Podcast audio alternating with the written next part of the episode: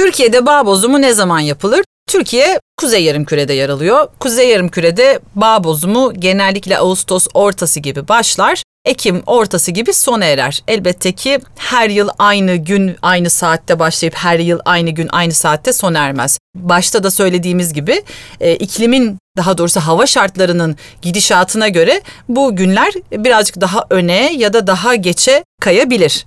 E, ama genellikle sıkı bir takiple bu günleri doğru olarak belirler winemakerlar ve ziraat mühendisleri. Tabii ki hasat üzümler olgunlaştığında başlar. Şimdi Mart gibi üzümler uyanır, gözler açılmaya başlar. Mayıs civarında taneler oluşur, çiçeklenir ve arkasından taneler oluşmaya, salkımlar oluşmaya başlar. O zaman koruk dediğimiz dönemdir. Sonra yavaş yavaş Temmuz ortasın gibi, Temmuz gibi, Ağustos gibi siyah üzümlerin renkleri koyulaşmaya, bütün üzümlerinde asitleri yavaş yavaş düşmeye, şeker oranları artmaya başlar. İşte hani sizin yapacağınız şarabın türü neyse bölgenizin de bulunduğu konuma göre, yapmak istediğiniz şaraba göre şarabı toplayacağınız zamana karar verirsiniz. Ama genel olarak toplama zamanı e, sonbahar diyebiliriz. Çoğunlukla Türkiye'nin en batısından başlar yani Trakya, Ege civarından başlar hasat. En son Elazığ, Diyarbakır Türkiye'nin en doğusundaki iki bağ bölgesi bunlar olduğu için en son Elazığ, Diyarbakır'da